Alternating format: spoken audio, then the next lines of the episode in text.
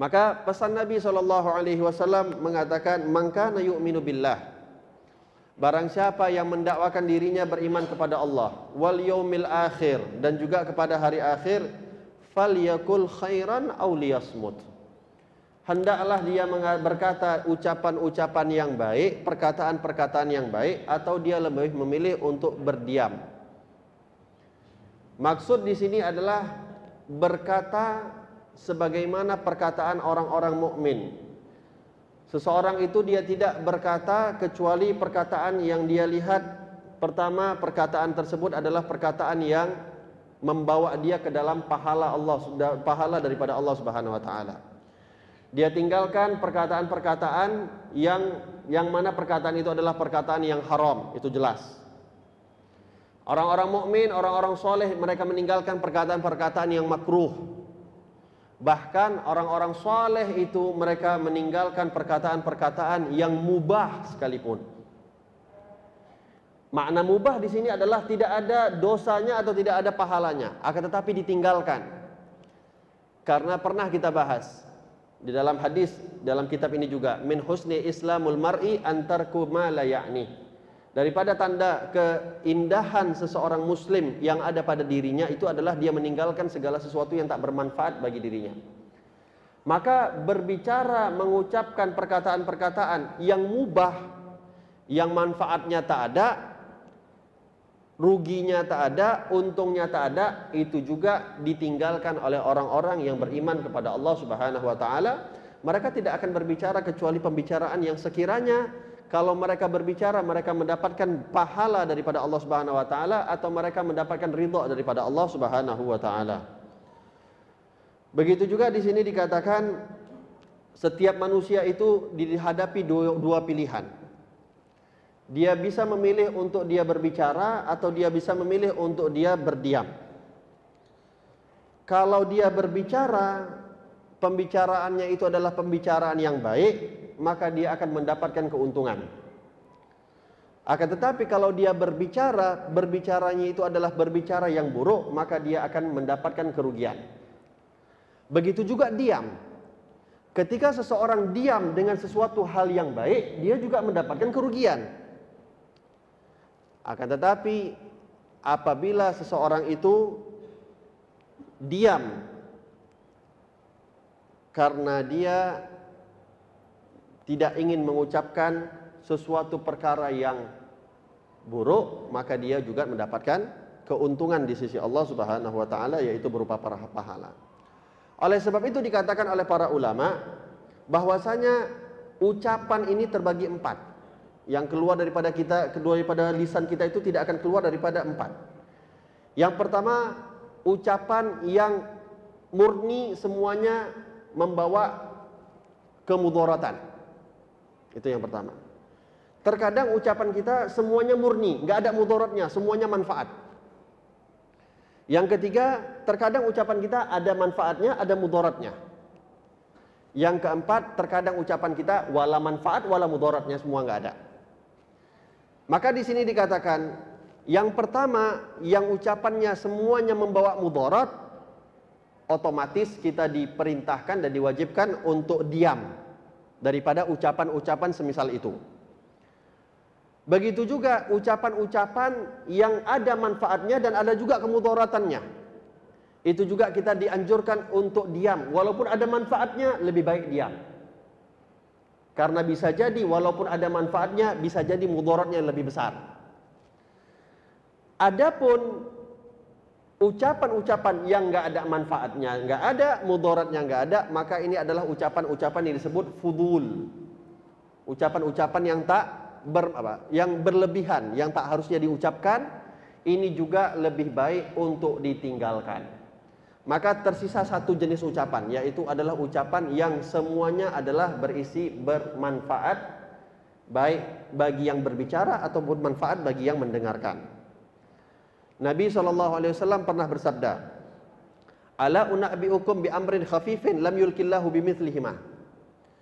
Maukah kalian aku beritahu kepada kalian dua hal yang ringan, dua perkara yang ringan. Yang mana Allah Subhanahu wa taala tidak memberikan dua perkara yang lebih ringan daripada dua perkara ini. Akan tetapi Dua perkara ini agung di sisi Allah Subhanahu wa taala. Apa itu? Yang pertama as-sumt, diam. Banyak diam. Yang kedua husnul khuluq. Akhlak yang baik. Juga dikatakan oleh Dhunnun al-Misri. Nah, dikatakan oleh Luqman, Luqman al-Hakim pernah berwasiat kepada anaknya. Beliau mengatakan, "Laukan al-kalam min fiddah lakana sukut min zahab." Kalaulah berbicara itu diibaratkan sebagai perak, maka diam itu diibaratkan sebagai emas. Maka ini tidak bertolak belakang dengan apa yang dikatakan oleh Abdullah bin al-Mubarak. Karena sebelum karena Abdullah bin Mubarak juga pernah mengatakan, "Laukan al-kalam fi ta'atillah." Kalaulah berbicara di dalam ketaatan itu diibaratkan sebagai perak, maka diam daripada maksiat itu diibaratkan sebagai emas. Bukan maknanya wasiat Luqman kepada anaknya laukan al kalam min min, uh, min fiddah lakana sukut min al amin dzahab bukanlah kalau berbicara itu daripada perak berdiam itu daripada emas. Terus kalau ada perkara yang baik pun kita diam tidak. Tetap berbicara yang baik itu jauh lebih baik daripada kita diam dengan suatu perkara yang baik. Akan tetapi maksud di sini adalah berbicara yang baik itu diibaratkan sebagai fiddah, sebagai perak. Adapun diam diri daripada sesuatu yang maksiat itu diibaratkan sebagai emas. Ini pendapatnya Abdullah ibn al-Mubarak. Lalu dikatakan oleh Zinnun al-Misri, beliau juga pernah mengatakan, ahsanun nas, sebaik-baik manusia adalah amlakuhum lilisanih yang dia paling bisa menjaga tutur ucapan lisannya ketika dia berbicara. Itu sebaik-baik manusia. Juga dikatakan inna adna naf'a sumtu as-salamah wa adna dararun nutki an-nadamah. Serendah-rendahnya manfaat seseorang itu kalau dia memilih untuk diam, dia paling tidak selamat daripada tuduhan dan serendah-rendahnya mudarat kerusakan yang dialami bagi orang yang suka banyak berbicara adalah an-nadamah, penyesalan. Seseorang kalau dia banyak diam, orang itu dia dipastikan dia orang yang paling selamat. Sering juga pernah saya katakan, terkadang dengan diam kita jadi nggak ketahuan apakah kita ini orang pintar ataupun orang bodoh. Tapi orang kalau sudah terlalu banyak berbicara, orang akan mudah mengukur ini orang orang pintar ataupun orang bodoh. Orang diam ketika orang lain berbicara, orang sulit untuk menilai orang tersebut, mengukur orang ini yang banyak diam tadi. Ketika dia diam, orang akan menganggap dia diam karena dia tidak tahu atau dia diam karena memang dia tahu dan dia menjaga ilmunya, menjaga kewibawaannya. Akan tetapi kalau orang terlalu banyak ngomong, dikit-dikit nyerocos saja. Ada orang nanya, dia yang paling cepat jawab. Nanyanya ke orang lain tetapi tetap dia harus ngotot untuk menjawab. Seakan-akan dia ingin menunjukkan kepada orang lain bahwasanya dia yang paling banyak ilmunya. Padahal orang itu kalau sudah banyak berbicara itu menunjukkan bahwasanya sedikit maklumat yang dia punya. Pengetahuan yang dia punya itu sedikit. Sehingga dia berusaha untuk menunjukkan kepada orang-orang yang ada di sekitarnya bahwasanya yang sedikit dia punya itu dia keluarkan kepada orang-orang di sekitarnya supaya orang-orang itu menganggap dia itu banyak pengetahuannya. Akan tetapi orang yang diam, kalaulah memang dia bodoh, dia selamat. Oke lah dia nggak banyak pengetahuan, paling nggak dia selamat.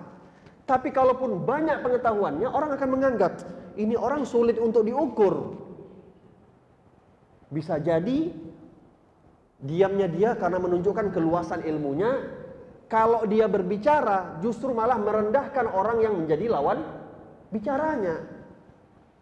Karena dia akan mengeluarkan ilmu-ilmunya, pengetahuan-pengetahuan, maklumat-maklumatnya yang lebih tinggi dibandingkan orang yang diajak bicara. Oleh sebab itu kan pernah Imam Syafi'i pernah mengatakan, aku ini akan menang kalau berdebat berbicara dengan 100 orang yang alim. Akan tetapi aku pasti kalah kalau aku berdebat dengan satu orang yang jahil. Karena orang alim ketika dia diajak debat oleh Imam Syafi'i misalnya, oleh atau orang yang lebih alim yang lebih banyak pengetahuannya, maka pengetahuannya yang lebih akan mengalahkan orang-orang yang pengetahuannya lebih sedikit. Akan tetapi kalau orang jahil yang rocos ngomong terus, ketika diajak berbicara, maka dia akan teguh dengan pendapatnya yang sedikit karena maklumatnya yang tidak banyak. Oleh sebab itu karena maklumatnya yang sedikit dia berbicara sesuai dengan apa yang dia tahu dan dia nggak mau kalah walaupun orang yang diajak bicara mungkin banyak lebih tahu. Lalu dikatakan di dalam hadis Nabi Shallallahu Alaihi Wasallam pernah bersabda, "Man somata naja." Barang siapa yang banyak diam, dia akan selamat. Luqman Al Hakim juga pernah mewasiatkan kepada anaknya, "Ya bunayya, wahai anakku, idza an-nasu 'alaika bi husni kalamihim, faftakhir anta bi husni sumtik." Ya bunayya, wahai anakku, kalaulah orang-orang itu bangga diri dengan banyaknya dia berbicara, maka jadilah engkau seorang yang mempunyai peribadian yang engkau berbangga diri dengan engkau banyak diam. Lalu dikatakan juga ada seorang soleh meminta wasiat kepada seorang ulama. Maka wasiat tersebut kata orang soleh tersebut aku akan berikan engkau wasiat yang mana kalau engkau menjalankan wasiat ini engkau akan mendapatkan ilmunya para ulama dan engkau akan mendapatkan hikmah daripada orang-orang hukama. Apa itu? Amal ilmu ulama. Aku akan berikan wasiat, engkau akan mendapatkan ilmunya ulama Dikatakan kalau engkau ditanya akan sesuatu, maka katakanlah tidak tahu. Nabi Shallallahu Alaihi Wasallam pernah bersabda, "Qauluka la adri hadza nisful ilm." Ucapanmu ketika engkau mengucapkan tidak tahu itu adalah setengah ilmu. Mengucapkan tidak tahu itu adalah setengah ilmu. Artinya Paling tidak ketika kita ditanya oleh orang, kita tidak tahu hukumnya, maka katakan tidak tahu. Dan ini juga musibah besar bagi masyarakat kita sekarang, khususnya para ulama. Ketika dia tidak tahu, gengsi untuk menjawab tidak tahu, akhirnya menjawab sok-sok tahu, orang yang mendengarkan jawaban kita daripada dasar sok tahu, akhirnya sesat. Dan ini saya katakan sebenarnya bukan hanya salah ulamanya saja, salah orang awamnya juga. Orang awam kita sekarang itu terlalu gampang menilai kalau ada ulama atau ustadz bilang nggak tahu langsung dinilai oh berarti ustadz itu kurang ilmunya. Ini kesalahan orang awam. Padahal bisa jadi kata dia, ucapan dia tidak tahu itu untuk menyelamatkan kita semua. Tapi kita sudah nggak menjudge. Kalau ada orang bilang nggak tahu, oh ini nggak berarti ilmunya sedikit dia itu aja nggak tahu. Padahal kalau dibandingkan dengan orang-orang ustadz-ustadz yang setiap ditanya jawab, setiap ditanya jawab, setiap ditanya jawab, itu bisa dipastikan pasti ada kesalahan di antara jawaban-jawabannya. Imam Malik bin Anas, Imam Maliki, Imam Mazhab, Imam Mazhab, mujtahid, orang yang sudah diberikan gelar sandang mujtahid. Ketika dihadapkan oleh orang awam 20 atau 30 permasalahan yang berkaitan hukum fikih diberikan kepada Imam Malik. Dikatakan yang dijawab oleh Imam Malik hanya satu atau dua soal. Lebihnya Imam Malik mengatakan la alam, la alam, la arif, la alam, aku nggak tahu, aku nggak tahu, aku nggak tahu, aku nggak tahu. Dan Imam Malik nggak gengsi, Ketika mengatakan aku nggak tahu nggak gengsi, nggak takut dibilang masa Imam Mujtahid nggak bilang nggak tahu, enggak. Karena bagi Imam Malik, kalaupun beliau jawab, Akan tetapi jawaban beliau takutnya tidak sesuai dengan apa yang ada di dalam kitab, beliau yang akan menanggung dosa daripada jawaban-jawaban beliau. Oleh sebab itu dikatakan, seorang yang mujtahid kalau dia menjawab akan satu permasalahan, maka dia akan dapat dua pahala. Tapi kalau dia mengatakan tidak tahu, dia akan menjawab, mendapatkan satu pahala. Orang awam, orang bodoh, orang tak punya ilmu, kalau dia menjawab satu soalan, dia akan mendapatkan dosa. Kalau dia menjawab dua, kalau dia kalau dia diam, dia akan mendapatkan satu dosa. Kalau dia menjawab soalan yang dia tidak tahu apa jawabannya, dia akan mendapatkan dua dosa. Perbedaan jelas orang ulama mujtahid dengan orang yang awam.